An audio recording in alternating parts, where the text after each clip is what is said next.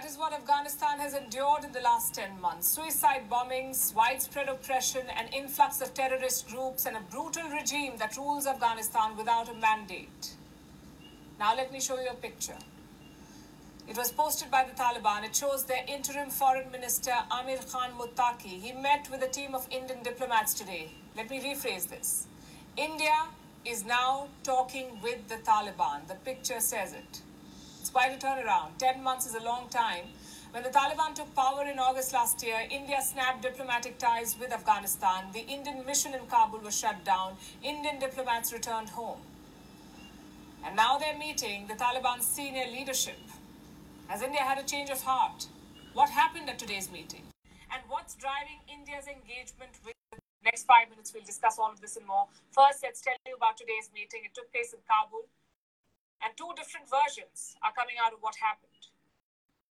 One is from India, the other is from Afghanistan. India has not shared a lot of details. The Ministry of External Affairs issued a statement. It says the purpose of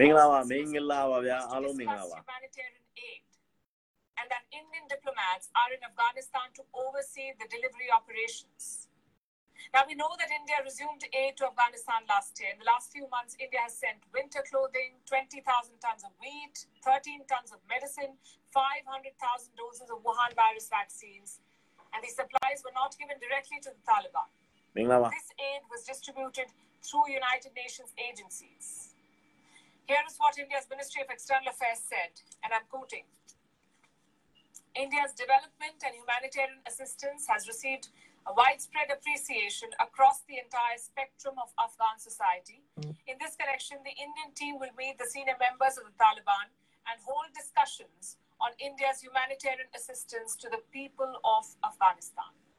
So this is India's version. Now let's tell you what the Taliban have said. They say the discussion involved a lot more than humanitarian aid. They say the Taliban came with a wish list, four key requests for India. Number one, more humanitarian aid. Number two, the return of Indian diplomats to Kabul. Number three, resumption of consular services. And number four, resumption of stalled development projects. So the Taliban wants more from India more aid, diplomatic ties, and developmental projects. I have a statement with me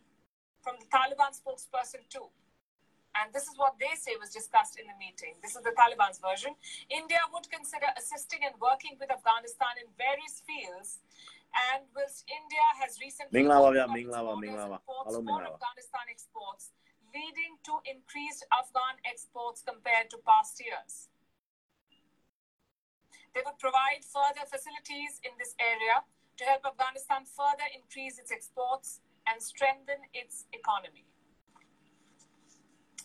Will India assist Afghanistan in exports? Will it open up the Chabahar port for the Taliban, for instance? New Delhi has not said a word on this. What about the rest of the demands? Last month, some reports had emerged. Apparently, India was exploring the possibility of reopening its embassy in Kabul, but without any senior diplomats. The idea, we understand, is to not officially recognize the Taliban regime, but to engage with them, to build some leverage. And this is important for India's security. You see, the challenges for India on this front are rising. Afghanistan is becoming a breeding ground for terrorist groups of all descriptions. Anti India it's been a hundred days since Russia invaded Ukraine. So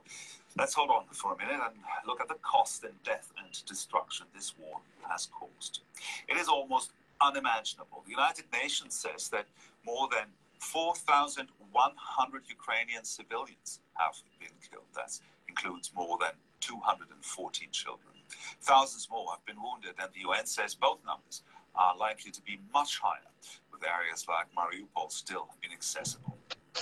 It's also hard to know how many soldiers have died. Russia hasn't released any figures recently, but the UK's defense minister says at least 15,000 Russian soldiers have been killed.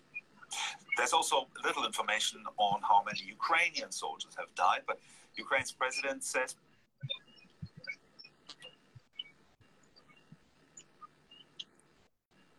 Hello မင်္ဂလာပါကို Hello ဟယ်လို Hello မင်္ဂလာပါမင်္ဂလာပါကိုကျွန်တော်ကိုကြည့်မိတ်ဆွေပါအခုရုပ်လည်းမမြင်ရပါလားအဲကိုအာ live link တော့ကျွန်တော်မပြေဘူးကိုနဲ့ဟိုကျွန်တော်နဲ့ဟိုဟာဆရာတော်ကိစ္စတော့ဟိုဟာမှာတွေ့ဘူးလေကိုဇပိတ်ဆိုင်ဟိုဟာလေ နောက်ပိုင်းခင်တရားရုံးမှာမဟုတ်ပါဘူးရပါတယ်ကိုကျွန်တော်ဒီတိုင်းကြည့်တာပါကိုပြဿနာမဟုတ်ဖြစ်ပါဘူး โอเคပါ ဟုတ်ကဲ့ ကျေးဇူး ရ တော် တယ်ရတယ်ကျွန်ကျွန်တော်လေးလာသူဖြစ်နေပဲကြည့်ပါမယ်ကိုဟုတ်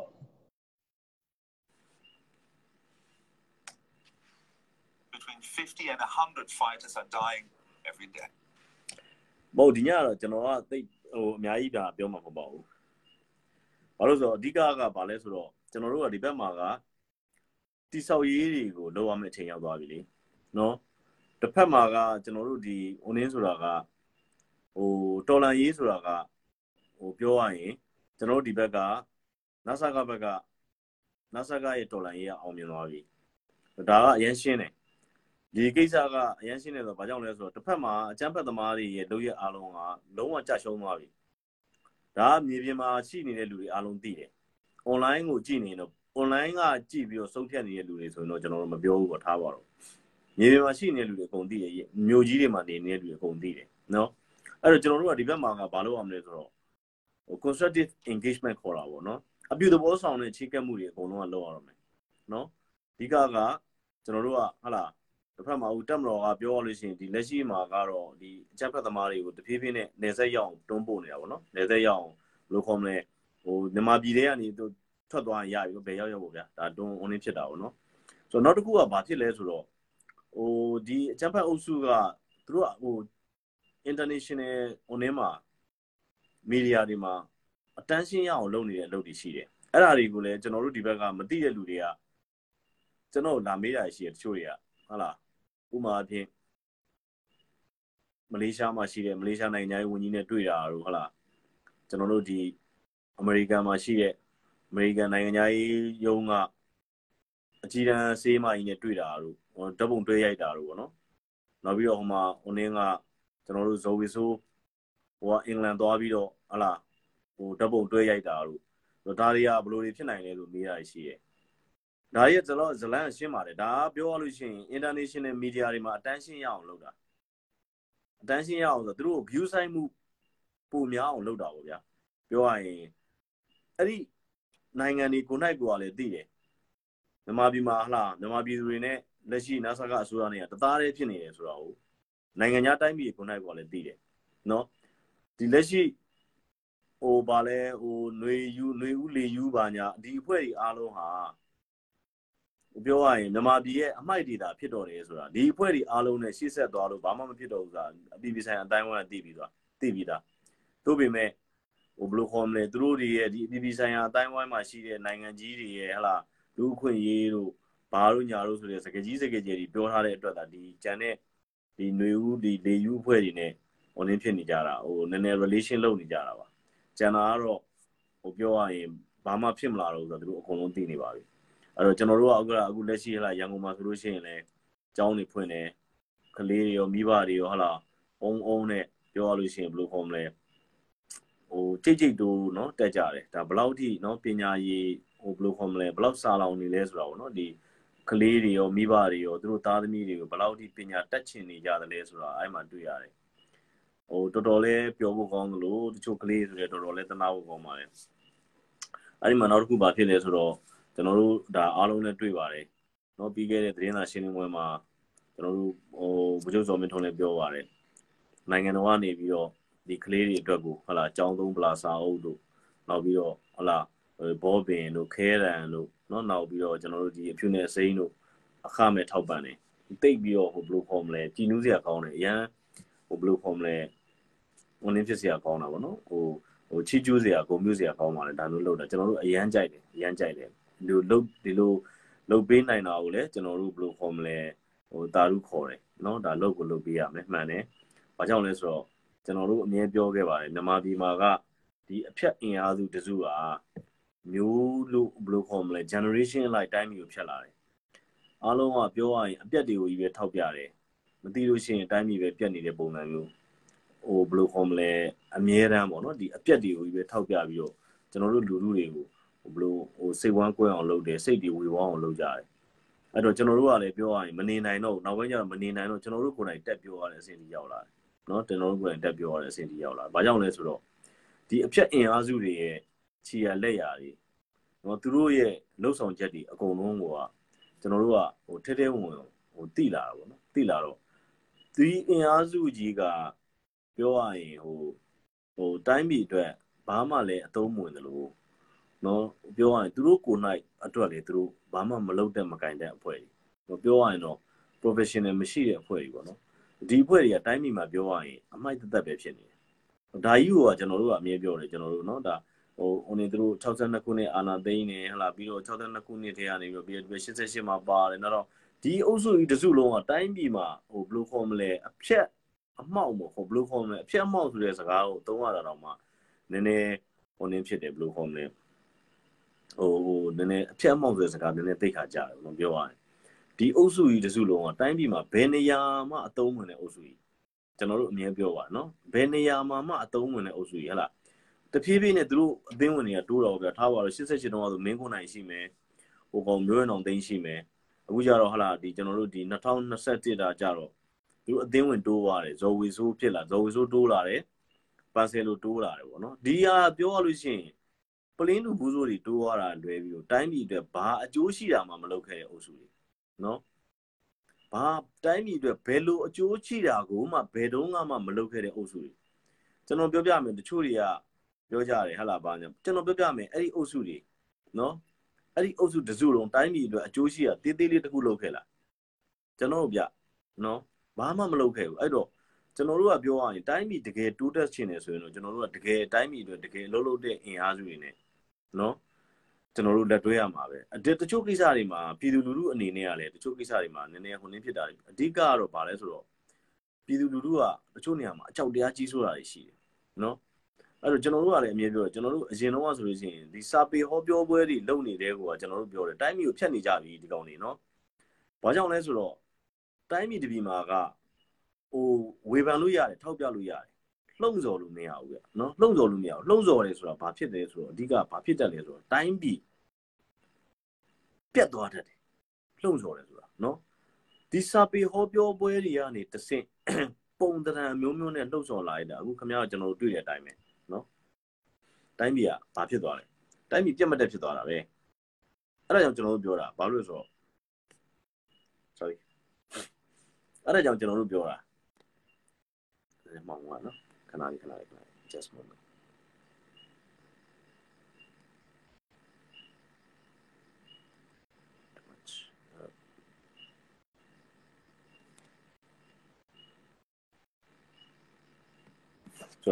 ကျွန်တော်တို့ကအဲ့ဒါကြောင့်ပြောတာတိုင်းပြည်မှာကဟိုတိုင်းရေးပြည်ကမလုတ်တတ်တဲ့လူကဝင်မလုတ်တာအကောင်းဆုံးပဲလို့ကျွန်တော်တို့ပြောတယ်။နော်အဲ့ဒီအချိန်မှာအဓိကအပြင်ကျွန်တော်တို့တိုင်းပြည်ဒီလောက်ခံလိုက်ရတာအဲ့လိုပေါ့ဟိုဘယ်လိုခေါ်မလဲ အိမ်ထဲမှာနေပြီးစာရူပေတာလေးတွေဖတ်နော်သူများရေးထားတာတွေထိုင်ဖတ်ပြီးတော့ကိုယ့်ကိုပညာရှိကြီးလိုလိုလုပ်နေတဲ့လူတွေကြောင့်တိုင်းပြည်ဒီလောက်ပြတ်သွားတာကျွန်တော်ပြောတာကလူငယ်တွေကိုလည်းကျွန်တော်ပြောပါတယ်အဲ့ဒါကြောင့်ခရီးထွက်ပါလူတွေနဲ့များများတွေ့ပါတိုင်းပြည်ရဲ့အခြေအနေမှန်တွေကိုလေ့လာပါ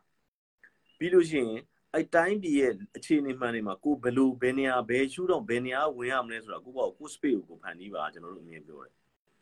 ဒါပေမဲ့ကျွန်တော်တို့ တိုင်းပြည်မှာတကယ်ဖြစ်သွားတာကဒီစာပေဟောပြောပွဲဆိုတဲ့ခေါင်းစဉ်တွေတက်ပြီးတော့နိုင်ငံရေးတွေပြောနော်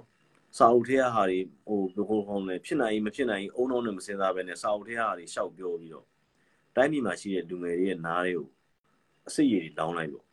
ကျွန်တော်တို့တိုင်းပြည်ဒီလောက်ထိဖြစ်သွားတာနော်အဓိကကျွန်တော်ခုနပြောသူနိုင်ငံရေးနဲ့ပတ်သက်လို့ဝေဖန်လို့ရတယ်ထောက်ပြလို့ရတယ်လှုံ့ဆော်လို့မရဘူးနော်အများကြီးပါအများကြီးပါအများကြီးပါဆိုတာအဓိကကဘာလဲဆိုတော့ ကိုယ်တိုင်အရေးချင်းမရှိတဲ့အခါကျတော့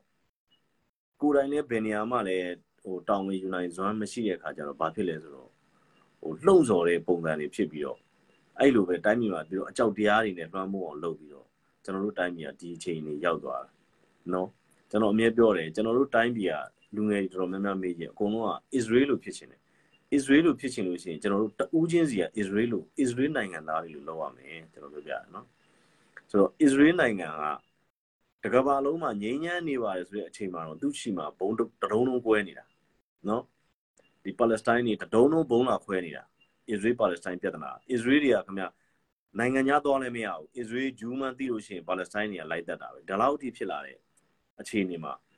သူတို့တိုင်းပြည်မှာရှိတဲ့တဦးချင်းစီတဦးချင်းစီဆိုတာကျွန်တော်ပြောပြမယ်နော်နိုင်ငံတကာနိုင်ငံကတော့ဆန္ဒတူညီသွားတယ်ဆိုတာကတော့တော်တော်ရှားပါတယ်ဟုတ်လားဟုတ်လားဟောထားပါတော့ဒီနေ့တော့ ဒီအပင်ကြီးကိုခုတ်မယ်ဟိအာအားလုံးတရက်ခွက်လုံးမှာရှိတဲ့လူတွေတနေတည်းနဲ့ဆန္ဒတူညီသွားတယ်ဆိုတော့တော်တော်ရှားပါတယ်ဒါပေမဲ့စိတ်ကောင်းရှိတဲ့လူတွေပေါ့နော်စိတ်ကောင်းရှိတဲ့လူတွေကနေပြီးတော့ဒါလောက်ကြမယ်ဟေးဆိုပြီးတော့တယောက်ကစော်ဩလိုက်တာမျိုးဆိုရင်တော့ဒါအားလုံးဆန္ဒတူညီသွားနိုင်တာပေါ့နော်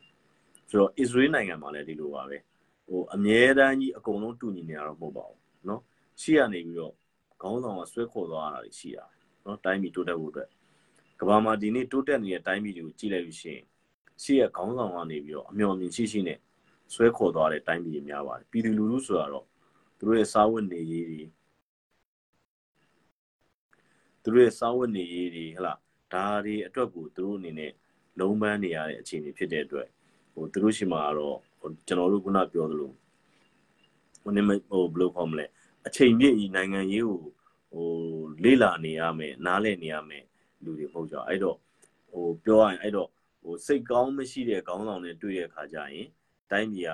ဟိုဂျင်းထက်ခံရမယ်ပေါ့နော်စိတ်ကောင်းရှိတဲ့ခေါင်းဆောင်တွေတွေ့တဲ့အခါကျရင်ဟိုအကယ်ပြည်သူလူထုကနိုင်ငံရေးမပွင့်လင်းတဲ့အခါကျရင်ပြောတော့နော်စိတ်ကောင်းရှိတဲ့ခေါင်းဆောင်တွေအခုလိုလာတွေ့နေတဲ့ချိန်ကျရင်သူတို့ကဟိုဘယ်လိုခေါ်မလဲဟိုအမှန်မမြင်တဲ့အပိုင်းတွေရှိမယ်ဒါတွေကိုလည်းကျွန်တော်တို့ကပြောရလို့ရှိရင်ဟိုနင်းဖြစ်နေကြမလို့ဘာခေါ်မလဲဟိုပြည်သူကိုအပြစ်တင်နေကြမလို့ပြည်သူဆိုတော့ဒီလိုပဲသွားမှာပဲဆိုတော့အဓိကကဘာလဲဆိုတော့ကျွန်တော်တို့ကဟို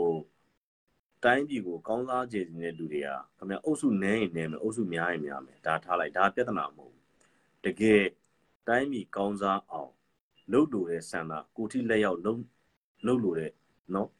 ဟိုနေရှိမှအာဒီတရှိမှလားကျွန်တော်တို့တိုင်းပြည်ကတကယ်ကောင်းစားမှာကျွန်တော်တို့တိုင်းပြည်ကကျွန်တော်ပြောပါတယ်အခုတချို့ဆိုလို့ရှိရင်ဟလာဟိုဘယ်လိုခေါ်မလဲဟိုဘုံဘုံတာတို့တနက်ပြတာတို့ဖြစ်ပြီးတော့ဟိုဟိုဟိုချန်စီယိုပေါ်ခွာထိုင်သွားတဲ့ပုံစံမျိုးတွေဖြစ်သွားတာရှိတယ်ဒါပေမဲ့ အစ္စရေးနိုင်ငံအကြောင်းကိုထဲထဲဝင်လေ့လာပါနော်အစ္စရေးနိုင်ငံအကြောင်းကိုထဲထဲဝင်လေ့လာအစ္စရေးနိုင်ငံကအစ္စရေးနိုင်ငံကအစ္စရေးဒီဂျူးလူမျိုးတွေအားလုံး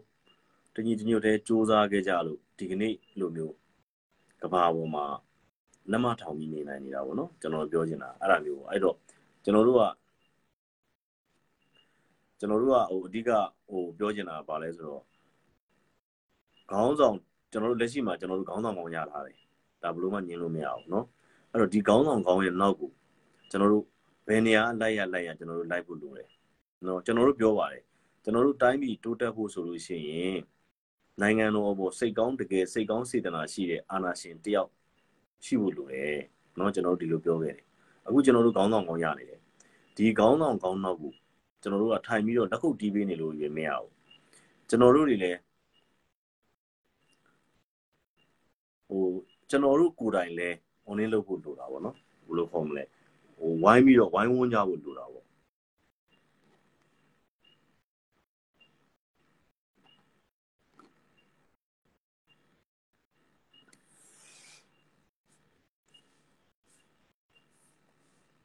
ကိုညံနိုင်ဦးရဲ့ကျွန်တော်ဖိတ်ခေါ်ထားတာကိုညံနိုင်ဦးကတက်လို့မရဘူးဖြစ်တယ်ကိုညံနိုင်ဦးကမရဘူးနော် လက်ခံလိုက်လေကျွန်တော်ဖိတ်ခေါ်ထားတာကိုလက်ခံလိုက်လို့ရှိရင်ရတာပဲ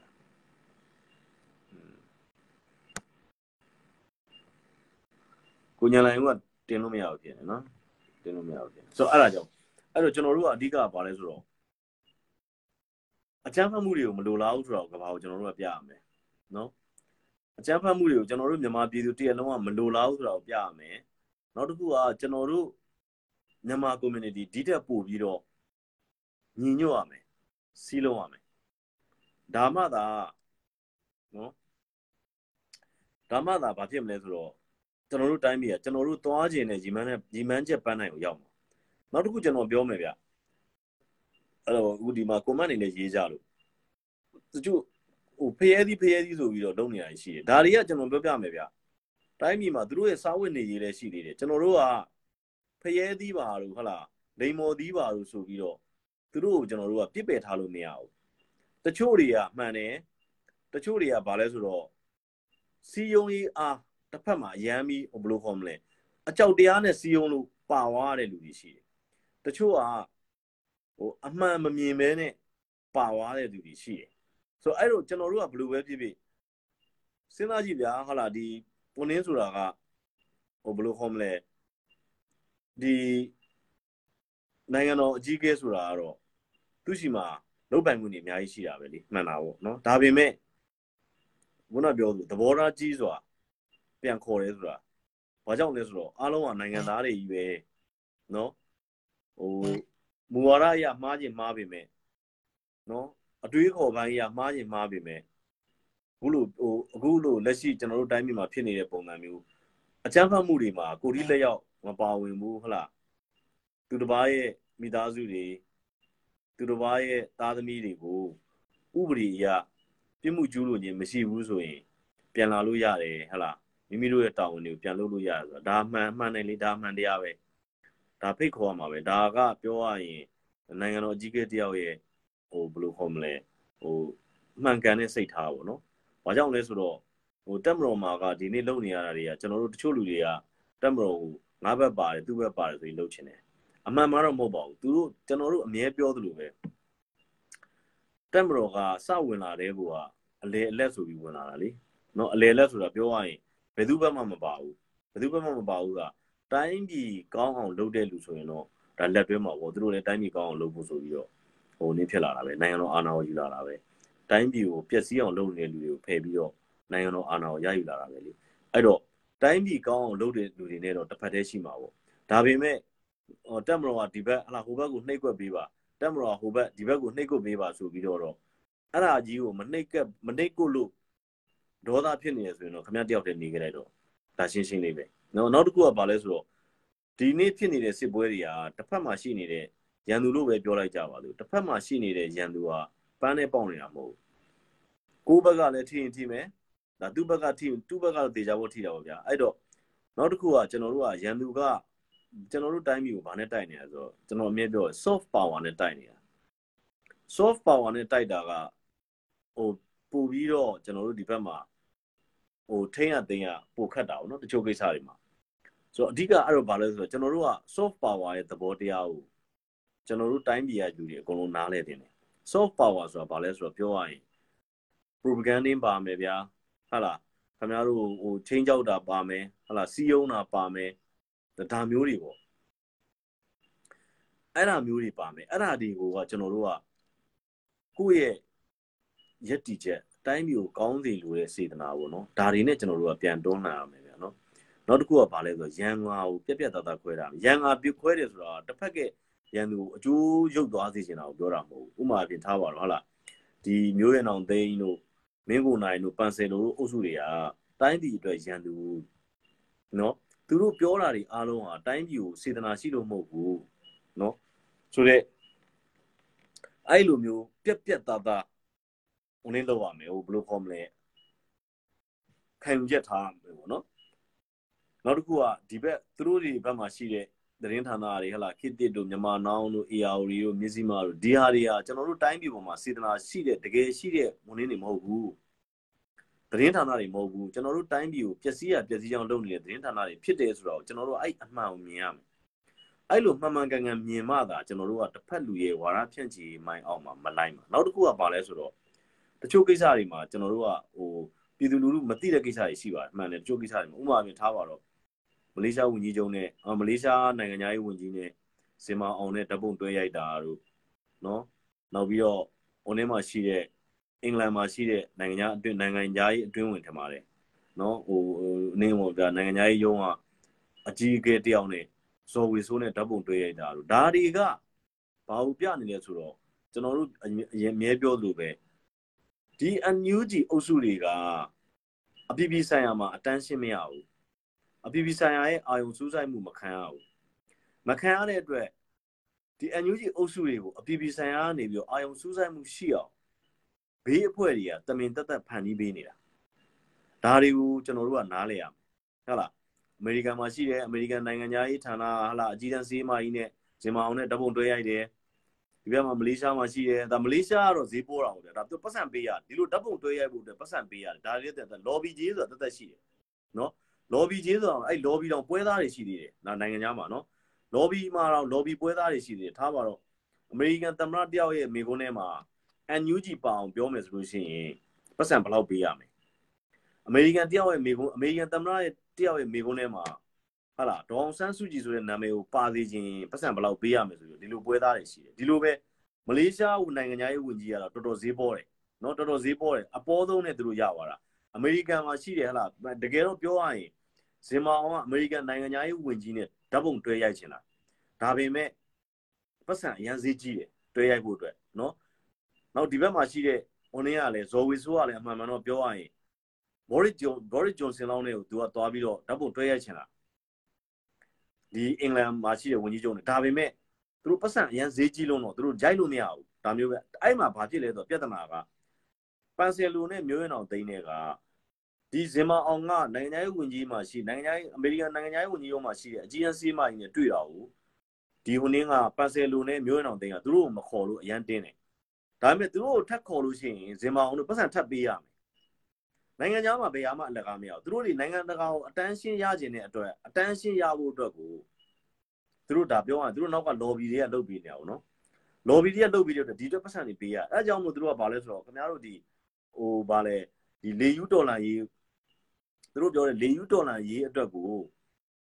ပတ်စံတွေကောက်ခံပြီးတော့ပတ်စံတွေဘယ်ရောက်ကုန်လဲဆိုတော့သူတို့တွေစင်းမရှင်းနိုင်တာဒါတွေရှိရနောက်ပြီးအဲလေယူဒေါ်လာရေးမှာဘာလို့ပတ်စံကောက်နေတဲ့ဟာလာဟိုနင်းတို့ဒီဒီပန်ဆယ်လို့ပါတော့သူတို့အတွက်လည်းအသုံးချရရှိတာပေါ့ဗျာထားပါတော့ဟာသူ့အနေနဲ့ဒီဟိုနင်းကိစ္စမှာဒီလေယူဒေါ်လာရေးမှာဟိုနင်းဖြစ်တယ်သူအိမ်အသိမ်းခံရတယ်ဆိုလို့ရှိရင်သူတို့အပက်ကနေပြန်နှုတ်တာလည်းရှိတယ်ပေါ့နော်ဟိုမျိုးအောင်သိမ်းဆိုလို့ရှိရင်အခုဆိုရင်တဖြည်းဖြည်းနဲ့ဟာလာမုတ်စိတ်တွေပေါက်လာမယ်ဒီကောင်စပင်ရှည်ကြီးနဲ့သူ့ကိုယ်သူတကယ်ကိုဘယ်လိုခေါ်မလဲ ဟိုပညာရှင်ရုပ်ဖမ်းလာတဲ့သဘောတွေရှိတာပေါ့ဒါပေမဲ့ तू ကဘာကောင်းမှမဟုတ်ဆိုတော့သိတယ်အဲ့လိုပေါ့ तू အလုပ်တစ်ခုလုပ်ချင်ဘာလုပ်ချင်လဲသူတို့ရှိမှတစ်ခုခုလုပ်ချင်ဒီအတွက်ကိုကျွန်တော်တို့ lobby ကြီးပေးရတာပဲမပေးလို့မရဘူးเนาะဒါတွေကိုကျွန်တော်တို့မြန်မာလူမျိုးခုနပြောဆိုကျွန်တော်တို့မြန်မာနိုင်ငံသားတွေသိစေချင်တာအဲ့ကိုကြည့်ပြီးတော့သူတို့အများကြီးဝါဒဖြန့်မှုတွေလုပ်နေဗျာစသည်အဖြစ်ပေါ့ဆိုတော့အဲ့အဲ့မျိုးတွေပေါ့အဲ့တော့ဒါတွေကပြောရရင်နိုင်ငံခြားမှာမထူးမတူဟိုတိတ်ထူးဆန်းကြီးမဟုတ်ဘူးကျွန်တော်တို့မြန်မာနိုင်ငံသားတွေတွေ့တာတွေ့လား နိုင်ငံခြားရေးဆက်ဆံရေးမှာငါတို့ကနိုင်နေပြီလို့အောင်နေပြီလို့ဒီမှာနိုင်နေပြီလို့အောင်နေပြီလို့ဆိုလို့ရှိရင်လောက်ပါကျွန်တော်ပြောတာဟိုမှာဟာလာဟိုအင်္ဂလန်ဝန်ကြီးချုပ်နဲ့ဟာလာအမြဲတမ်းတွေ့ပါဒီဘက်မှာဟာလာထားပါတော့ဟာမြန်မာပြည်မှာစစ်တပ်ကတိုက်နေတော့တော့တွေ့ဟာလာနောက်ခုနေဖြစ်နေပြီးတော့တော့တွေ့အမြဲတမ်းမြန်မာပြည်အကြောင်းတွေတင်ပြလို့ရနေလားမေးကြည့်ပါမရပါဘူးပတ်စံပေးတဲ့အချိန်လောက်ပဲဓာတ်ပုံရိုက်လို့ရတယ်အဲ့လိုဓာတ်ပုံရိုက်တဲ့အချိန်မှာလည်းအခြေချေမြင့်မြင့်မရှိတဲ့အကြောင်းအရာတွေဆွေးနွေးပါတယ်ဆိုရင်ပုံသဏ္ဍာန်လောက်ပဲသူတို့သတင်းမှာရေးလို့ရတယ်အဓိကပြဿနာကဘာလဲဆိုတော့သူတို့လိုချင်တာက international မှာရှိတဲ့သတင်းဌာနတွေရဲ့အတန်းရှင်းရအောင်ယူတာပဲကြံတာဘာမှမဟုတ်ကြံတဲ့ကိစ္စဘာမှလည်းမပါဘူးအဲ့ဒါကိုသိထားဖို့လိုတယ်ကျွန်တော်တို့ဟိုနင်းကအာကျွန်တော်တို့ပါလက်စတိုင်းမှာရှိတဲ့ယာဆာအာရာဖတ်ခေါ်ပါအောင်เนาะကျွန်တော်ဒီဟိုနင်းမို့ယာဆာအာရာဖတ်ဆိုတာကျွန်တော်တို့1980ဟိုတဝိုက်မှာတော်တော်ရေပန်းစားတဲ့တော်လိုင်းကောင်းဆောင်ပေါ့နော်ဒီပါလက်စတိုင်းလူမျိုးကြီးကောင်းဆောင်ပေါ့နော် PLO အဖွဲ့ရဲ့ကောင်းဆောင်သူဆိုလို့ရှိလို့ရှိရင်နောက်မှာပတ်စံအများကြီးပေးနိုင်တယ်အဓိကအပြင်တော့အရှိလေပိုင်းအုပ်စုတွေက ပတ်စံအများကြီးပေးနိုင်တဲ့အတွက်အမေရိကန်သမ္မတရင်းနဲ့ကြိုက်တဲ့ချိန်တွေ့လို့ရတယ်နော်ဒါပေမဲ့သူ့ကိုတော့ဒါအမေရိကန်ပြည်ဝင်ခွင့်မပေးထားဘူးနော်အမေရိကန်တွေကဟိုပြောရလို့ရှိရင်သူ့ကိုတော့ဟိုနင်းလောက်ထားတယ်ဘာခေါ်မလဲဟိုပြည်ဝင်ခွင့်ဘန်ထားတဲ့အတွက်သူကုလသမဂ္ဂမှာပြောဖို့အတွက်ကကုလသမဂ္ဂကတီရှိရလာဝါရှင်တန် DC မှာပဲဖြစ်ဖြစ်အဲ့ဒီနေရာမှာနယူးယောက်မှာပဲဖြစ်ပါထားပါအဲ့ဒီနေရာမှာသွားပြီးတော့နယူးယောက်ကိုသွားခြင်းနဲ့ဟလာကုသသမကိစ္စနဲ့ပတ်သက်ပြီးနယူးယောက်ကိုသွားခြင်းနဲ့ဝါရှင်တန်ကိုသွားခြင်းနဲ့ဆိုလို့ရှိရင်အဲ့နေရာလွယ်ပြီးသူခြံတဲ့နေရာတွေသွားလို့မရဘူး အဲ့လောက်ထိသူတို့ပိတ်အောင်လုပ်ထားတာရှိတယ်ဆိုတော့နိုင်ငံရေးနဲ့ပတ်သက်လာလို့ရှိရင်ခုနကကျွန်တော်ပြောသလိုပဲသူတို့တွေက lobby လုပ်ဖို့ရှိရင် lobby လုပ်ကြီးကိုသူတို့ပေးရတယ်ဒီလိုမျိုးပေးရတယ်ဆိုတော့အဲ့လိုပြောလို့ရှိရင်ခင်ဗျားတို့ဟာအဲ့ဒါဆိုလို့ရှိရင်ဟလာမင်းတို့နိုင်တိုင်တိုင်းပြည်ကခေါင်းဆောင်တွေလည်းအဲ့လိုရိုက်ဖို့သက်ပတ်စံပေးပြီးရိုက်ပါလားဆိုဒီလိုကြတော့သူတို့ကပြောရင်ဒါနိုင်ငံခေါင်းဆောင်ချင်းကြတော့သူတို့ကနိုင်ငံတော် policy နဲ့ဆိုင်သွားပြီနော်နိုင်ငံဒါဘယ်လိုပဲဖြစ်ဖြစ်ဒီဘက်ကဟာလာနိုင်ငံကောင်းဆောင်ဟိုဘက်ကနိုင်ငံကောင်းဆောင်အဲ့နှစ်ယောက်တွေ့ဖို့ကြတော့ပတ်စံပေးပြီးတွေ့ရဆိုပြီးလုပ်လို့မရတော့အဘေးမှာရှိနေတဲ့အဲ့လိုအပဲ့ကြီးလားနော် ဒါပါတော့ဗျာအဲ့လိုတော်လန်ရေးလို့လို့ဘာလို့လို့ခေါင်းနေတာသူတို့ကသူတို့ရဲ့ဟာဟိုဟို promotion လုပ်ချင်လို့ရှိရင်သူတို့အဲ့လိုနိုင်ငံကောင်းဆောင်ဆိုရဲပေါ်ပေါ်ပဲပဲရဥမာမလေးရှားနိုင်ငံသားရေးဝန်ကြီးတို့ဒါပေါ်ပေါ်ပဲပဲရလိုက်တာသူတို့ကပြောတင်မှာဒေါ်လာ၄၅6000နဲ့ကိုအရိုက်ခံလိုက်တဲ့သဘောဖြစ်မယ်မလေးရှားနိုင်ငံသားရေးဝန်ကြီးဆိုလို့ရှိရင်တော့စင်မအောင်နဲ့တွဲရအဲ့မှာမှသူတို့ကကျန်တာတွေကရှောက်ပြီးဝါဒဖြန့်တာပေါ့နော်ဒါမျိုးတွေပေါ့အများကြီးရှိတော့ဆိုတော့အဲ့ဒါတွေကိုကျွန်တော်တို့တိုင်းယူပြည်သားတွေဒါသိတဲ့နယ်ဥပမာထားပါတော့ကျွန်တော်ခုနပြောလို့ပဲဟာလာဟိုကုလသမဂ္ဂမှာ နိုင်ငံတနိုင်ငံကနေပြီးတော့ဟာလာတော်လိုင်းအဖွဲ့အစည်းတစ်ခုအတွက်ကိုဟိုမေကွန်းပြောတဲ့အခါမှာထည့်ပြောရမယ်ဆိုလို့ရှိရင်အဲ့ဒီအတွက်ကိုအဲဒီထည့်ပြောတဲ့နိုင်ငံကိုအဲ့ဒီနိုင်ငံကိုဘပတ်စံပေးရတယ်နော်ဒါတွေက lobby ကြီးပေးရတယ်လို့ခေါ်တယ်ဆိုတော့အဲ့ဒါတွေကိုကျွန်တော်တို့တိုင်းပြည်တွေကလူတွေသိနေကြတယ်ဟလာနောက်တစ်ခုကကျွန်တော်ခုနပြောလို့ဒီသူတို့ဒီလေယူရိုအဖွဲ့မှာလဲအန်ယူဂျီဒီလေလေယူပေါ့နော်ဒါတော့လေယူရိုအဖွဲ့မှာမငြိမ်မညွတ်မှုတွေကအရန်ဖြစ်လာပြီနော်မငြိမ်မညွတ်တွေအရန်ဖြစ်တာဘယ်နေပုံမှာမူတည်ဖြစ်လာဆိုတော့ တစ်ဖက်မှာရှိနေတဲ့ဥမာပန်ဆယ်လိုတို့မျိုးရအောင်သိန်းတို့ကသူတို့တွေမအောင်မြင်တော့ဘူးဆိုတာသူတို့ကောင်းကောင်းသိသွားပြီဇော်ဝီဆိုလည်းသိတယ်ဒီကိစ္စကသူတို့မနိုင်တော့ဘူးဆိုတာကောင်းကောင်းသိသွားပြီဟလားဒီဘက်မှာရှိတဲ့ဟိုစင်ကာပူကြက်ကြီးတို့ပါဆိုပိုသိတာပေါ့ဗျာပိုသိတဲ့ခါကျတော့တော်တော်များများကသူတို့အိတ်သေးကောက်သေးကိုလုပ်နေကြပြီဒါဒါရှင်းရှင်းလေးနော်အချင်းချင်းတွေသူတို့အချင်းချင်းတွေကြိုက်နေကြပြီဒါကတော့ကျွန်တော်ကတော့ဘာလို့ဆိုတော့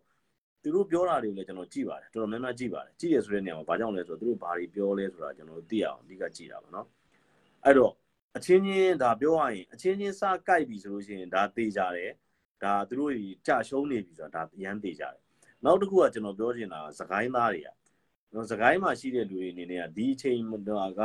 နိုင်ငံတော်နဲ့ပေါပူးပေါင်းဆောင်ရွက်ဖို့အတွက်အကောင်းဆုံးအချိန်ပဲ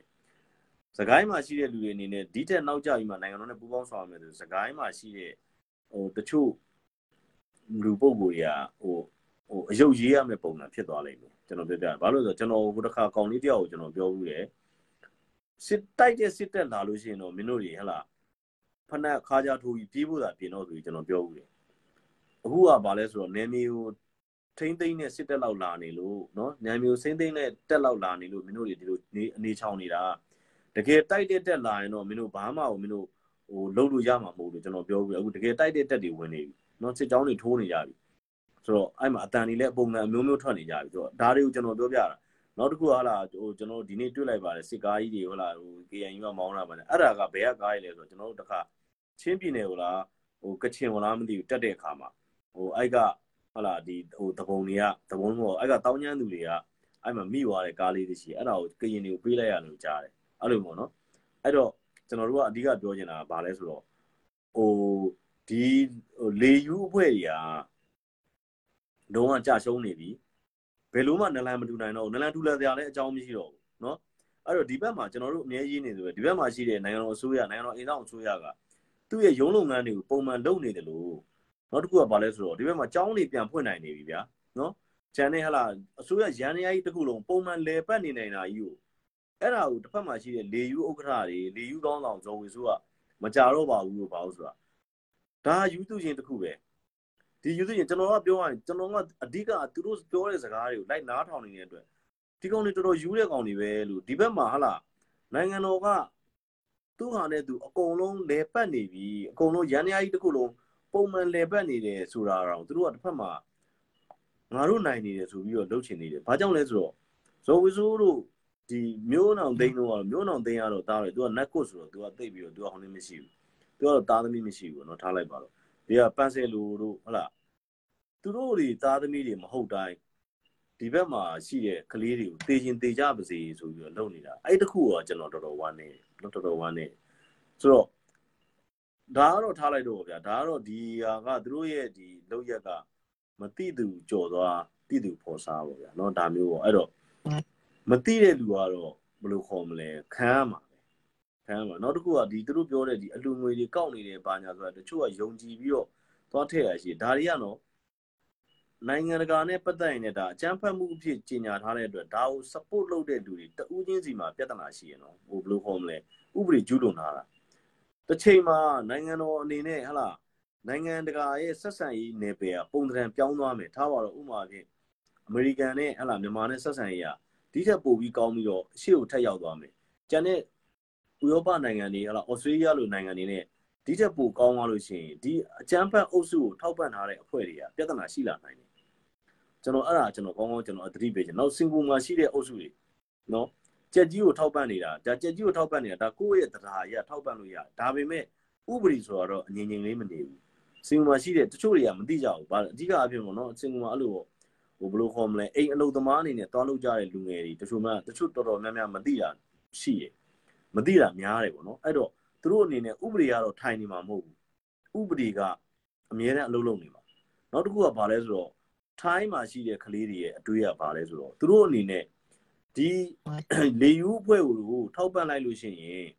သူတို့ဗမာပြည်ပြန်လို့မရတော့ဘူးလို့ UNHCR တို့ဘာလို့ရှိရဲ့အဲဒုက္ခသည်များမှာအဆိုင်မှာမင်းယုံတို့ဘာလို့သူတို့ဒါတွေနဲ့ဒီဘယ်လိုခေါ်မလဲဒီ case တွေနဲ့သူတို့တင်ပြလို့ရမယ်လို့သူတို့ထင်နေကြတယ်မရဘူးမြန်မာနိုင်ငံသားကို ဟုတ်လားသူတို့ရဲ့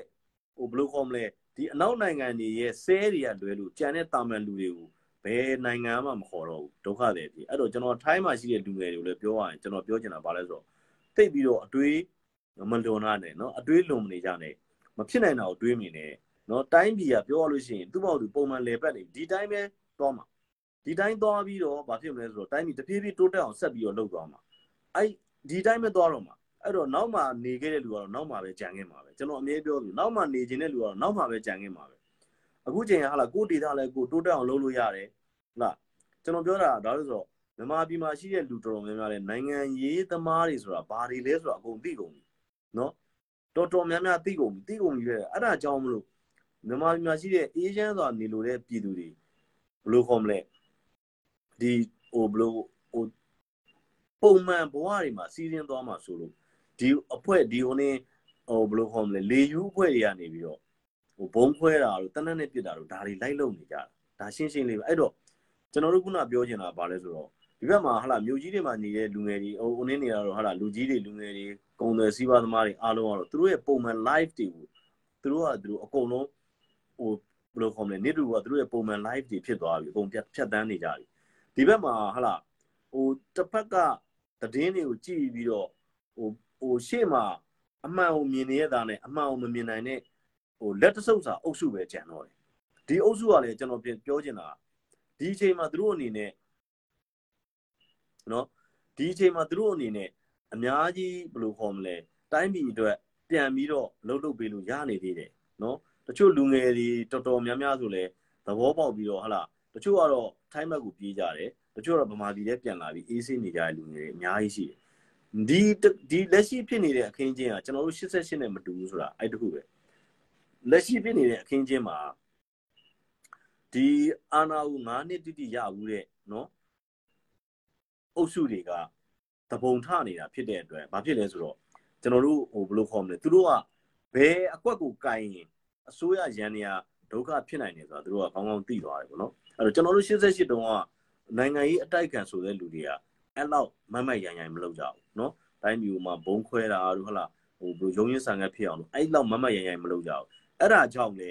နော်အဲ့ဒီ88မှာထောင်ထဲဝင်သွားတဲ့လူတွေတော်တော်များများအသက်ရှင်လျက်ပြန်ထွက်လာနိုင်ကြဟလာမင်းကုန်နိုင်တို့အုပ်စုတွေတအုပ်စုလုံးဆိုရင်ရေဒီယိုတွေမှာအာနှိမ့်ဆက်ခံရတယ်ဘာညာလာရှောက်ပြောနေပြီမဲ့မင်းကုန်နိုင်တို့ပြန်ထွက်လာတဲ့အခါကျတော့ပြောလို့ရှိရင်ဟိုဟိုလက်သီးလက်မောင်းကိုတန်းပြီးပြန်ထွက်လာကြပဲမဟုတ်ဘူးလားအဲ့ဒါကိုပဲကျွန်တော်တို့ကမြင်ရမယ်လေဘာကြောင့်လဲဆိုတော့ဒီ ပြပအတန်လွင်းဌာနဆိုတာတွေကကျွန်တော်တို့ခုနပြောသလိုဟိုမမြင်ရတဲ့ဟာအတွက်ကိုဟလာအပြင်မှာရှိတဲ့လူတွေပုံတရံအမျိုးမျိုးဝါဒဖြန့်နေမှာပဲဒါရှင်းရှင်းလေးပဲနောက်တစ်ခုကကျွန်တော်တို့မြန်မာပြည်သားတွေရဲ့ဟိုနင်းရလဲဘယ်လိုခေါ်မလဲတနာတတ်တယ်တနာတတ်တယ်ဆိုတော့ဒါတွေဖြစ်လာလို့ရှိရင်ဟိုဘက်ကလွှင့်နေတာတွေကိုအဟုတ်ကြီးထင်သွားတာရှိတာပေါ့နော်နောက်တစ်ခုကျွန်တော်တခုပြောမယ်ဗျာဘာလဲဆိုတော့ခုနကကျွန်တော်ဖရဲသီးကိစ္စကိုဆက်ပြောမယ်ဖရဲသီးကိစ္စဆိုတာကဒါကပြောရရင်တချို့ကပြည်သူဝန်ထမ်းတွေရှိတယ်နော် ဟိုဥပဒေအရာချိုးပေါက်တာကိုတွေ့ရင်တော့အရေးယူခံရမှာပဲဟိုဟုတ်လားဟို NLD ကိုထောက်ခံလို့အရေးယူနေဆိုတာတော့မရှိပါဘူးဒါဒါရှင်းရှင်းလေးနော်ဒါပေမဲ့အကြမ်းဖက်လို့ကြင်ညာထားတဲ့လူတွေကိုထောက်ခံတာတို့ပတ်မိုးတာတို့လုပ်ရင်တော့ဒါကအရေးယူခံရမှာပဲအဲ့ဒါကိုလည်းသိထားသင့်တယ်နော်နောက်တစ်ခုကဘာလဲဆိုတော့နိုင်ငံဝန်ထမ်းဆိုတာနိုင်ငံဝန်ထမ်းစီမင်းကိုလိုက်နာရမယ်ဆိုတာဒါနိုင်ငံဝန်ထမ်းတိုင်းသိပါတယ်နော်အဲ့တော့တိုင်းပြည်ကိုစူပူအောင်လုပ်နေလို့ဘာအကျိုးရှိမလဲဘာမှအကျိုးမရှိနိုင်ဘူး ဒီအုပ်စုကတော့ဒီပြောရရင်ဒီအုပ်စုကတော့ခင်ဗျာနောက်တစ်ခါနောက်တစ်ခေတ်ရောက်သွားရင်လည်းနောက်နာမည်တစ်မျိုးနဲ့ထပ်လုပ်နေဦးမှာပဲခင်ဗျာချင်းတိုင်း88တုန်းကတော့88အုပ်စုဆိုပြီးလာကြတယ်ဒီဘက်မှာဒီဘက်ကလေးတွေဟာလာထားပါတော့အာလေယူຫນွေဦးလေယူဆိုတော့လေသူတို့ຫນွေဦးလေယူဖြစ်သွားပြန်အောင်ဒါကဘာလဲဘာလို့သွားပြနေလဲဆိုဒီအုပ်စုကဒီနိုင်ငံမှာရှိတဲ့အခင်းအကျင်းတွေပေါ်မှာဟာလာဟိုဘယ်လိုခေါ်မလဲဖြန်ကြပြီးစားတောက်နေတဲ့အဆင့်ကနေပြီးတော့မပူဘူးဘာနိုင်ငံရေးသမားမှလည်းမဟုတ်နိုင်ငံရေးသမားဆိုတာဟာလာ တွေးဆုံဆွေးနွေးရဲရမယ်ဟာလာငိမ့်ညမ်းတဲ့နီလန်းကိုရွေးချယ်ရဲရမယ်ဒါနိုင်ငံရေးသမားစစ်စစ်တွေဒီအုပ်စုကခင်ဗျာအခု88 88ပြီးတော့ထားပါဒီဘက်မှာຫນွေဦးဒေါ်လာရင်းဆိုတော့အကုန်လုံးຫນွေဦးဒေါ်လာရင်းဖြစ်သွားတာပဲ88ဆိုတော့အကုန်လုံးအနေဖြစ်သွားနောက်အဲ့ဒီကနေပြီးတော့နောက်ကထားပါရဒေါ်လာရင်းထားပါချီးစားဒေါ်လာရင်းဆိုတော့အကုန်လုံးချီးစားဒေါ်လာရင်းဖြစ်ကုန်ပါပဲဆိုတော့အဲ့ဒါကိုကျွန်တော်ပြောပြတယ်အဲ့တော့ဗာလဲဆိုတော့ဒီဒေါ်လာရင်းဆိုတဲ့အုပ်စုတွေကသူတို့ကမွေးဖွားလာကြတဲ့ကူကသူတို့ကသူတို့ရှိမှသူတို့မိဘတွေရဲ့အနာတွေဟလာသူတို့ရဲ့ညီကိုအတိုင်းဝိုင်းတွေရဲ့အနာတွေပေါ်မူတည်ပြီးတော့ သူတို့ကိုယ်တိုင်အစိုးရလုပ်ဆိုတော့လည်းတကယ်မလုပ်တတ်ဘူးဟုတ်ပြီမင်းတို့အစိုးရမလုပ်ရင်တခြားလူအစိုးရလုပ်လို့ရှိရင်လည်းမင်းတို့တွေဟဟလားဝေဖန်တာပဲလုပ်ပါထောက်ပြတာပဲလုပ်ပါမလှုံ့ဆော်နဲ့ဆိုလို့ရှိရင်လည်းမရဘူးသူတို့ကထီးုံအဲ့လှုံ့ဆော်တဲ့အလုပ်တစ်ခုတည်းကိုပဲထိုင်လုပ်နေဘာကိုသွားတွေ့လဲဆိုတော့အဲ့တော့တိုင်းပြည်ကိုထိုင်ဖြတ်နေတာပဲဝေဖန်လို့ရတယ်ဟဟလားအာဒီဆိုရအနေနဲ့ဒါကြီးလုပ်တာတော့ဒါမကောင်းပါဘူးမကောင်းပါဘူးဆိုရင်ဘာကောင်းတာတော့ဒါလေးဖြစ်ပါတယ်ဆိုပြီးတော့အကြံပြုလို့ဝေဖန်လို့ရတယ်ဒါကျွန်တော်တို့မြန်မာပြည်မှာရှိတဲ့အစိုးရဆက်ဆက်ဘယ်တော့မှအာဏာရှင်မဖြစ်ခဲ့ဘူး ဘယ်တော့မှအဲ့လောက်မရိုင်းဆိုင်ခဲ့ဘူးနော်ဆိုတော့ဦးနေဝင်းလက်ထက်ကိုတော့ထားလိုက်ကျွန်တော်ဦးနေဝင်းလက်ထက်ကိုမပြောချင်ဒါတပါတီအာဏာရှင်စနစ်မှန်ခဲ့တယ်မှန်တယ်ဒီဘက်ဦးသန်းရွှေလက်ထက်မှာနိုင်ငံရေးပါတီတွေအကုန်လုံးပေါ်နေတယ်ဦးသိန်းစိန်လက်ထက်မှာနိုင်ငံရေးပါတီတွေရှိတယ်နိုင်ငံရေးပါတီတွေရဲ့ပြောဆိုတာတွေဝေဖန်တာတွေအားလုံးကိုလက်ခံတယ်ဒါပေမဲ့အဲ့ဝေဖန်တဲ့စကားလုံးတွေကနေခုနကကျွန်တော်ပြောသလိုလှုံ့ဆော်တာတွေမဖြစ်စေနဲ့ကျွန်တော်ကစကားအရှင်းတယ်နော်ဝေဖန်တာဝေဖန်လို့ရတယ်ဝေဖန်ဟုတ်လားဝေဖန်ထောက်ပြထောက်ပြလို့ရတယ် ဒါပေမဲ့လှုံ့ဆော်တာတွေဖြစ်လာရင်တိုင်းပြည်မငြိမ်မသက်ဖြစ်လာလို့ရှိရင်တိုင်းပြည်ဖွံ့ဖြိုးတိုးတက်မှုနှောင့်နှေးတယ်ဦးတန်းရွှေလက်ထက်မှာလည်းဒါပဲပြောခဲ့တာပဲလှုပ်မလှုပ်တော့ပါနဲ့ဝေဖန်ပါဟုတ်လားဒေါန်ဆန်းစုကြည်ပြောခမရဝေဖန်ဝေဖန်လို့ရတယ်ဟာလားလူတွေလမ်းပေါ်ထွက်ကြပါတို့ဟာဒီအစိုးရပြုတ်ကြအောင်တိုက်ကြပါတိုင်းကြီးမငြိမ်မသက်ဖြစ်မှကျမတို့ဟာလားဟာလားအာဏာပြန်ရမှာဆိုတဲ့အတွေးအခေါ်မျိုးတွေနဲ့လှုံ့ဆော်လာခဲ့ရင်လားသူတို့တွေတားတာလေမလုံနဲ့လို့တားတာဟုတ်လားခမရတို့ဟာလားအခု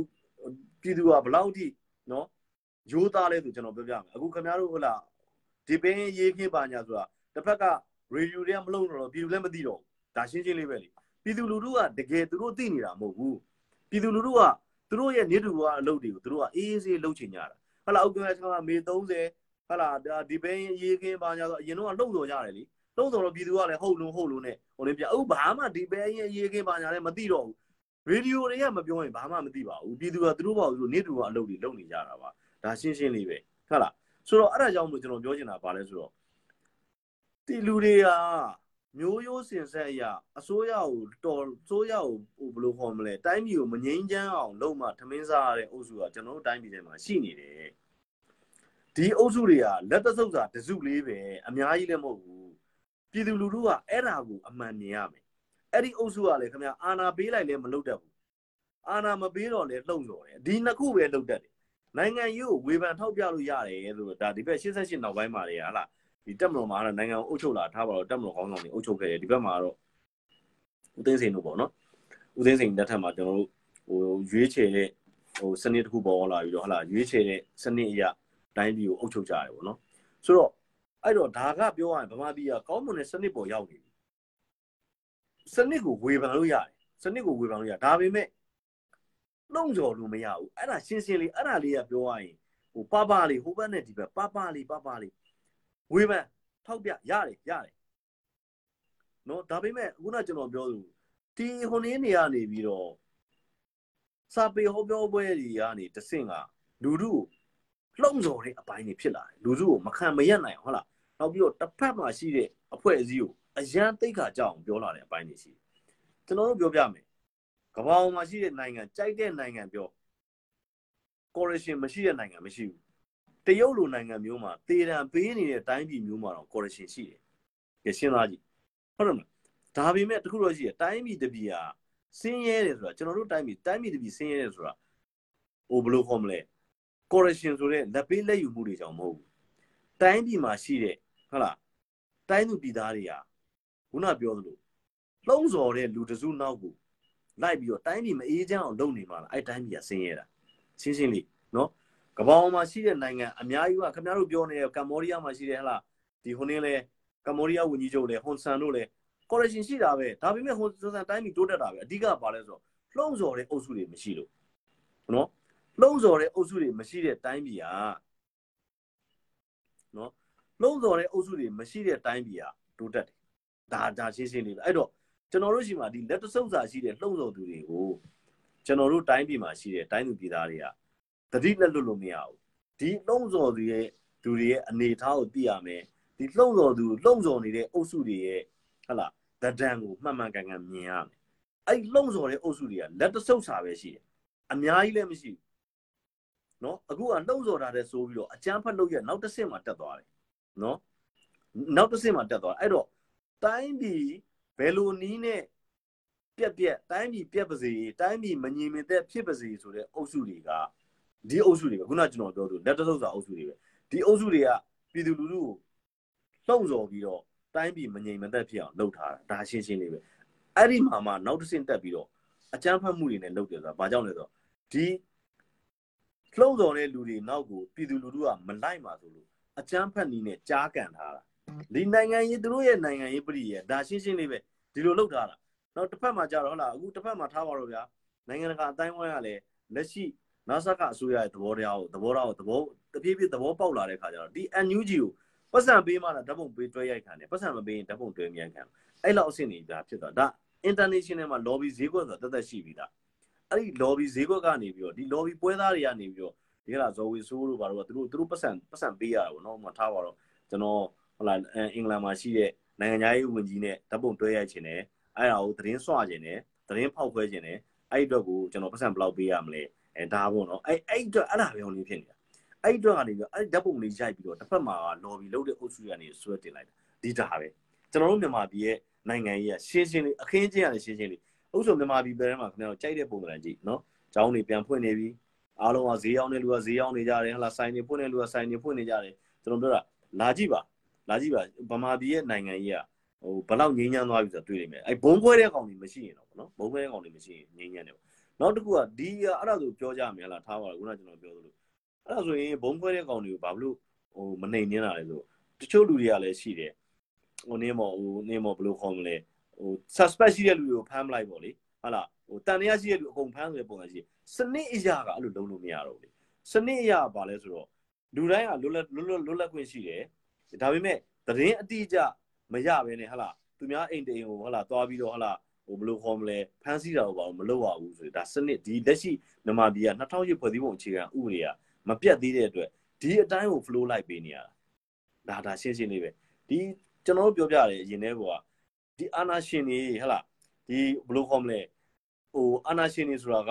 ဟိုယူနီဖောင်းဝတ်တာကြီးကိုသွားပြီးတော့အာနာရှင်ဆိုပြီးသွားကြည့်နေလို့မရဘူး ဟိုဟိုတနက်ကြီးကင်ထားတာကိုသွားပြီးတော့အာနာရှင်ဆိုပြီးသွားကြည့်နေလို့အာနာရှင်ဆိုတာပုံစံအမျိုးမျိုးရှိတယ်လို့ကျွန်တော်ပြောရဟုတ်တယ်နော်ဆိုတော့ဒီအဲ့ဒီဒီခုနကကျွန်တော်ပြောတဲ့ခုနကကျွန်တော်ပြောတဲ့ဒီလှုပ်စော်တဲ့လက်သုပ်စာအုပ်စုကကျွန်တော်တို့အရင်တည်းကပြောခဲ့တယ်သူတို့အာဏာရနေတဲ့အချိန်မှာလည်းကျွန်တော်တို့ပြောခဲ့တယ်အဲ့ဒီနှုံစော်နေတဲ့ဒီဟိုနေအုပ်စုကအနီအုပ်စုကအာဏာရှင်အုပ်စုကိုတစ်ချိန်ညရင်ခမားစီသူတို့ခိုင်းတာကိုခမားတို့မလုပ်လာတဲ့အချိန်ညရင်ခမားတို့အန်ရပေးလိုက်မယ်ဆိုအခုအခု လက်တွေ့ပဲနော်သူတို့ NLD အချင်းချင်းတွေတနက်တင်နေလိုက်ပြစ်တယ်သူ NLD အချင်းချင်းတွေဘုံတွေခွဲပြီးတော့တတ်ကုန်ပြီ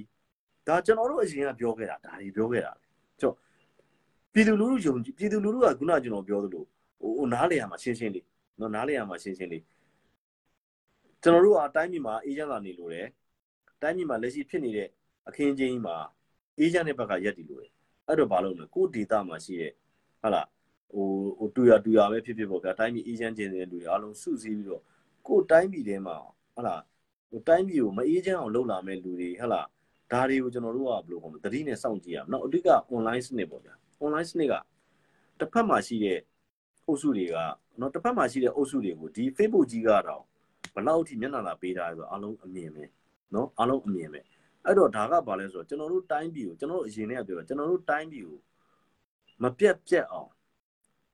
ဝိုင်းပြီးတော့ပုံသဏ္ဍာန်အမျိုးမျိုးနဲ့လုပ်နေကြတယ်လို့ကျွန်တော်တို့ပြောပြတယ်ဆိုတော့ခုနကျွန်တော်ထပ်ပြောခုနကျွန်တော်အတာရကပြောဆို Israel နိုင်ငံလို့ Israel ကိုဒီလိုပဲအာရက်ကဘာဝိုင်းတိုက်တာပဲဒါပေမဲ့ Israel နိုင်ငံမှာခိုင်မာတဲ့ခေါင်းဆောင်ကောင်းရှိတယ်နော်ပြည်သူလူထုတွေကကိုယ့်အလုပ်ကိုလုပ်တယ်အဲ့အတွက်ဘာဖြစ်လဲဒီကနေ့မှာ Israel ကဘာမှာတော့ဖြစ်နေတယ်လို့ကဘာမှာရှိတဲ့ပြောရရင်ဟိုအကြမ်းဖက်မှုအားလုံးကိုနှိမ်နင်းမှုအတွက် Israel မှာတော့သွားပြီးတော့ ဟိုတင်တန်းတက်ရတဲ့အဆင့်တွေရောက်ကုန်တယ်အဲ့လိုမျိုးပေါ့အဲ့လောက်အထိကိုစူးစမ်းလိုက်တယ်ကျွန်တော်တို့တိုင်းပြည်လည်းစူးစမ်းရပါတယ်လူငယ်တွေအနေနဲ့ကသူတို့ခေါင်းထဲမှာရှိနေတဲ့အတွေးခေါ်လေးတစ်ချက်ကိုတစ်ဖက်လေးလှည့်လိုက်လို့ရှိရင်ကျွန်တော်တို့တိုင်းပြည်တိုးတက်သွားပြီနော်နောက်တစ်ခုကဘာလဲဆိုတော့ကျွန်တော်တို့ဒီဟလာတိုင်းပြည်တိုးတက်ရတိုးတက်ကြောင်းအတွက်ဟိုဝိုင်းပြီးတော့လုပ်ကြတယ်သူတို့ဝိုင်းပြီးလုပ်တာကိုသူတို့ကဘာလို့သွားထင်လဲဆိုတော့အဲ့လိုဝိုင်းပြီးလုပ်တဲ့လူတွေသူတို့ကပေါင်းစားတယ်ဆိုတဲ့နာမည်တက်တာပေါ့နော်တောင်ပေါင်းစားရဆိုတဲ့နာမည်တက်ကြမဟုတ်ဘူးကျွန်တော်လူပဲဝိုင်းပြီးလုပ်လို့ရတဲ့လူတွေအများကြီးရှိတယ် လုပ်ပါဝိုင်းလုပ်ပါကျွန်တော်တို့တိုင်းပြည်မငြိမ်းချမ်းဘူးကျွန်တော်တို့တိုင်းပြည်မတိုးတက်ဘူးဆိုဘလူတွေခံရမှာကျွန်တော်တို့ပဲခံရမှာဘယ်သူမှလာမခံဘူးဒီစကားတွေကလည်းပြောရရင်အရင်တော့ကတော့ဟာလာဒီတက်ကဟာလာနာနာဖနာနာဝတာတွေခင်မှာတော့ပြောခဲ့တာပေါ့ကျွန်တော်တို့လည်းအဲ့အချိန်ကကျွန်တော်တို့ကိုယ်လည်းစန့်ကျင်ခဲ့ဒါပေမဲ့တပြေးပြေးနဲ့ကျွန်တော်တို့ကဟိုအတွေ့အကြုံတကယ်ရင့်ကျက်အတွေ့အကြုံများများရလာတဲ့ခါကျတော့ဒီလူကြီးတွေပြောတဲ့စကားတွေကိုကျွန်တော်တို့ပြန်ဆင်ခြင်လာကြည့်လိုက်သူတို့တွေကတိုင်းပြည်ပေါ်မှာတကယ်ပြောရရင် တကယ်မျက်မျက်နှုံနှုံချစ်တဲ့လူကြီးတွေပဲလို့ကျွန်တော်တို့ကဒီလိုသွားတွေ့။ဘာကြောင့်လဲဆိုတော့ကျွန်တော်အမြဲပြောဘူးတယ်။ကျွန်တော်ထိုင်းမှာအဲ့လိုပေါ့ဒီလိုစန့်ကျင်မဲ့အင်အားစုတွေနဲ့ကျွန်တော်တွဲနေဘူးတယ်။ဘာမှအရေးချင်းမရှိတဲ့ကောင်တွေဘာမှအတွေးခေါ်အမျှော်မြင်မရှိတဲ့ကောင်တွေဒီကောင်တွေကပြောရရင်အဲ့မှာတော့အဲ့မှာဘာကောင်လဲဆိုတော့ဟိုပြောရရင်တော့ဟိုဟိုဟိုနေတက်လို့လူစွာတက်လို့နေကြဘူးမျိုးရင်အောင်သိန်းလို့ကောင်တွေပေါ့မျိုးရင်အောင်သိန်းလို့လို့ဇော်ဝီဆိုးတို့လို့အဲ့ပန်ဆယ်လို့လို့လို့ အဲ့လိုအုပ်စုတွေပေါ့ခင်ဗျာသွားပြီးတော့ခင်ဗျာနည်းနည်းလေးအမှန်တရားချပြလို့မရဘူးနော်အမှန်လေးနည်းနည်းလေးမဟုတ်ဘူးအကိုတို့ပြောတာဒါလေးကမှားနေတယ်ဒီလိုလေးမဟုတ်ဘူးလားသွားပြောလိုက်ခင်ဗျာအခုတစ်ခေတ်နဲ့ဆိုပြောရအောင်ခင်ဗျာတလန်ပဲနော်အဲ့တုန်းကဆိုဒါခင်ဗျာထောက်လိုင်းကြီးပဲထောက်လိုင်းဆိုရင်ခင်ဗျာဒါထိုင်းမှာခင်ဗျာတတ်ပြစ်တာပဲအဲ့လိုမျိုးကြီးလောက်တာဆိုတဲ့အခါကျတော့နည်းနည်းလေးကျွန်တော်ပြောတာကကိုတိုင်းပြည်အတွက်လုပ်တဲ့အခါမှာကျွန်တော်တို့ကဘယ်လိုခေါ်မလဲဆိုတော့ဟိုတယောက်နဲ့တယောက် online ပြစ်စရာမလိုဘူးဘယ်လိုခေါ်မလဲ မျက်နှာကြည့်နေကြမလို့ကိုမှန်တဲ့ဘက်ကိုမှန်မှန်တဲ့ဘက်ကိုခဏရက်တည်နော်အခုထားပါတော့ပြည်သူတွေတက်ဘက်ကိုရက်တည်မှာအရန်ကြောက်နေတယ်အရန်ကြောက်နေတဲ့အတွက်ဘာဖြစ်လဲဆိုတော့ဟုတ်လားတက်ဘက်ကိုရက်တည်သွားတဲ့လူတွေကိုပုံတံအမျိုးမျိုးနဲ့ဒီ NASA ကဘက်ကိုရက်တည်သွားတဲ့လူတွေကိုပုံတံအမျိုးမျိုးနဲ့တိတ်ခါချတာနော်အကယ်အဲ့လူတွေသူတို့ကိုသူတို့မှန်တယ်လို့သတ်မှတ်ထားရဆိုရှင်ဒီဘက် NASA ကဘက်ကိုရက်တည်တဲ့လူတွေကိုလည်း ဘာမှသိက္ခာချနေကြမလို့လေခမများတို့မှန်ပါဆိုတဲ့အမှန်တရားကိုချပြလိုက်လေဟုတ်လားဒီဘက်မှာ NASA ကဘက်ကိုရက်တည်တဲ့လူတွေမှာသူတို့ရှိမှာအမှန်တရားရှိတယ်သူတို့ဘာကြောင့်ရက်ရတယ်ဆိုရင်သူတို့ရှိမှာဟိုဟိုတွေးခေါ်မျှော်မြင်မှုတွေရှိတယ်ဒါပေမဲ့တစ်ဖက်မှာရက်နေတဲ့လူတွေကသူတို့ရှိမှာအဲ့တလောက်ထိအတွေးခေါ်မရှိဘူးအဲ့တော့ဘာလုပ်လဲအကျန်းဖတ်နေနဲ့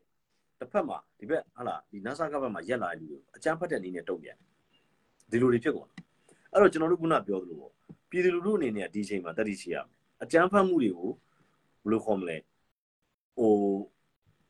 ဒူအားဖြင့်မတုံ့ပြန်ရင်တော့အကျန်းဖတ်မှုတွေကိုရှုတ်ချရမယ်တယောက်ချင်းစီကရှုတ်ချရမယ်ဒါကျွန်တော်တို့လုံနိုင်တဲ့အလုပ်ပြည်သူတဦးတယောက်ချင်းစီလုံနိုင်တဲ့အလုပ်ကိုပြပါဆိုရင်ခုနပြောတဲ့အကျန်းဖတ်မှုတွေကိုရှုတ်ချတဲ့အလုပ်ဒါပြည်သူတဦးတယောက်ချင်းစီလုံနိုင်တယ်เนาะကျွန်တော်ပြောတာနောက်ဆုံးပြောကုန်ပြောရရင်ဗျာဥထာအကျန်းဖတ်ဆန့်ကျင်ရေးတွေအကျန်းဖတ်မှုရှုံချပွဲတွေဟုတ်လား တက်မလို့ထောက်ခံပွဲတွေရှိနေတယ်ဒါတွေကိုပြည်သူတဦးတယောက်ချင်းစီကပါဟိုပါဝင်နေရမယ်ဒါမျိုးပေါ့အကြမ်းဖက်သမားတွေကိုကြောက်ပြီးတော့ကျွန်တော်လည်းသိပါတယ်အရင်တည်းကပြည်သူတွေဒီဟလာဒီဟိုဘယ်လိုခေါ်မလဲဟိုအကြမ်းဖက်ဆန့်ကျင်ရေးတို့တက်မလို့ထောက်ခံပွဲရေးတို့မှာပါဝင်ခြင်းတယ်ဒါပေမဲ့တစ်ဖက်မှာရှိတဲ့အကြမ်းဖက်သမားအုပ်စုတွေကဒီလိုပါဝင်လာတဲ့လူတွေဟလာပုံတံအမျိုးမျိုးနဲ့ချင်းကြောက်နေတဲ့အတွက်ပြည်သူတွေမပါဝင်ရဲဘူးဆိုတာလည်းကျွန်တော်တို့သဘောပေါက်ပါတယ်နော်ဆိုတော့အဲ့တော့ကျွန်တော်ခုနပြောသလိုပေါ့ ဟိုကျွန်တော်တို့တိုင်းပြည်ကလက်ရှိအခြေအနေမှာပဂတိအခြေအနေအတိုင်းပုံမှန်အတိုင်းသွားပုံမှန်အတိုင်းလဲပတ်နေတယ်ဘသူနိုင်တယ်ဘသူရှုံးတယ်ဆိုတာကိုလည်းတိုင်းပြည်မှာရှိတဲ့လူငယ်တွေအများကြီးသိနေတယ်ကျွန်တော်တို့ကအနိုင်အရှုံးနဲ့မဆုံးဖြတ်ချင်ဘူးဟုတ်လားနိုင်တိုင်းပြည်ကိုလက်ရှိအခြေအနေမှာဘယ်သူတွေကလေပတ်အောင်လုပ်နေတယ်လေအဲ့လေပတ်အောင်လုပ်ပေးနေတဲ့လူတွေဒီကနိုင်နေတဲ့လူဒါရှင်းရှင်းလေးပဲเนาะကျောင်းတွေပြန်ဖွင့်လို့ရအောင်လုပ်တယ်ရုံးဌာနတွေပုံမှန်အတိုင်းလေပတ်လို့ရအောင်လုပ်တယ်ဟုတ်လား အလုပ်ကိုင်းတွေဖန်တီးပေးတယ်ဟုတ်လားနိုင်ငံတော်ရဲ့ရန်ရာကြီးတစ်ခုလုံးပုံမှန်လေပတ်နိုင်အောင်ပြန်လဲတက်မှတ်ပေးတယ်ဒါဒီသာနိုင်နေတဲ့လူတွေရဲ့ဟိုနေမဲ့အလုပ်ငန်းတွေပဲเนาะအဲ့တော့အဲ့လုပ်ငန်းတွေကိုဘယ်သူလုပ်နေတယ်လဲဆိုတော့ဒါကိုကြည့်လိုက်ဟိုပြောရရင်တော့ဟိုဘယ်လိုခေါ်မလဲဒီဟိုနင်းကတော့လက်ရှိနိုင်ငံတော်အစိုးရအနေနဲ့ကတော့ငါတို့နိုင်နေပြီတော့သူတို့ကပြောမှာမဟုတ်ဘယ်တော့မှပြောမှာမဟုတ်ဘာလို့လဲဆိုတော့သူတို့ကတာဝန်ရှိတဲ့ပုံစံတာဝန်ရှိတဲ့ အလုပ်ကိုဟိုတာဝန်ရှိလို့လုပ်နေရတဲ့ဟိုနင်းဖြစ်တဲ့အတွက်သူတို့ကတော့ငါတို့ကနိုင်နေပြီဟိုကရှုံးနေပြီတော့ပြောမှာမဟုတ်ပြည်သူလူထုအနေနဲ့ဒါကိုသိတယ်เนาะအဲ့တော့အဲ့တော့တစ်ဖက်မှာရှိတဲ့ဟလာဒီအကြမ်းဖက်မှုကိုဘလို့ဘလဲပဲဖြစ်ဖြစ်ပူးပေါင်းပါဝင်နေတဲ့လူတွေအနေနဲ့လည်းဒီအချိန်မှာပြည်သူလူထုနဲ့ပြန်ပြီးရက်တည်တဲ့နေပြီအကြမ်းဖက်သမားတွေကိုကျွန်တော်တို့ကဒီအချိန်မှာဟိုဘလို့ခေါ်မလဲအကြမ်းဖက်သမားတွေရဲ့ nature ကိုသိအောင်လေ့လာမယ်ဒီအကြမ်းဖက်သမားတွေကိုပုံသဏ္ဍာန်မျိုးမျိုးနဲ့ကျွန်တော်တို့ရှုံချတာတွေလုံးလုံးဖို့အချိန်တန်နေပြီလို့ကျွန်တော်တို့ပြောရင်းနဲ့ ဟိုအကြမ်းဖက်သမားတွေကိုမကြောက်ဘဲနဲ့ပေါ့နော်အကြမ်းဖက်သမားတွေကိုမကြောက်ဘဲနဲ့ဟုတ်လားပုံစံမျိုးမျိုးနဲ့ကျွန်တော်တို့ကအကြမ်းဖက်ဆန့်ကျင်မှုတွေလုပ်ဖို့အချိန်တန်ပြီလို့ကျွန်တော်တို့ကပြောနေကျွန်တော်စကားတွေဒီနေ့နေကုန်းချုပ်ပါဗျာအားလုံးကျေးဇူးတင်ပါဗျာနော်ကျေးဇူးပါ